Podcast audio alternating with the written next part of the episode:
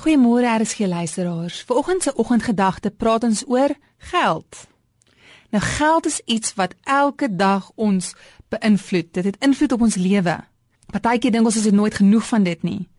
Ons begeer om altyd meer daarvan te hê. Dit motiveer ons, dit beïnvloed ons. Soms bring dit angs en spanning. Soms 'n gevoel van blydskap.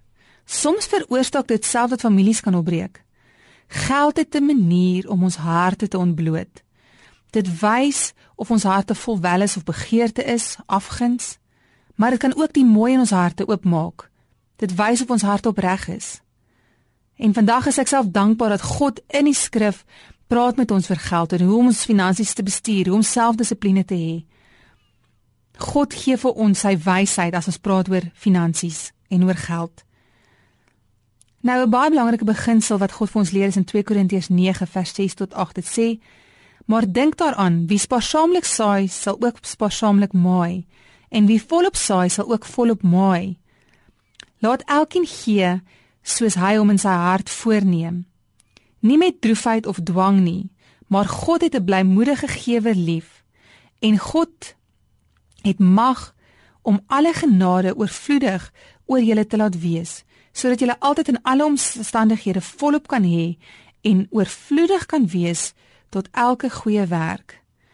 In God se koninkryk is daar altyd genoeg.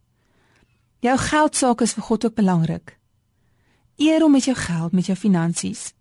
Vra vir hom vandag, Vader, waar moet ek gee? Waar moet ek 'n eh, finansies saai om God te eer?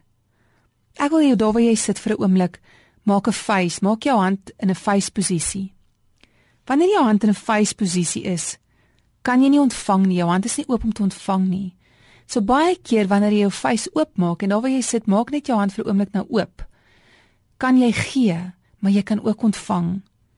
So God wil jou 'n blymoedige gewer maak, nie omdat jy geforseer voel, geensins nie, maar omdat hy jou wil gebruik om ook te ontvang. Paulus sê, ek is tevrede in alle omstandighede of ek nou baie het en of ek min het. Pas op dat geldgierigheid nie in jou hart inkom nie. God sal nie vir jou 'n klip gee as jy vra vir 'n brood nie. Vader, volgens bid ek vir elke persoon wat dalk finansiële moeilikheid het of stremming het of druk het, dat U hulle sal wys U is meer as genoeg en U sal tevredenheid in hulle binneste bring. U sal voorsien. Amen.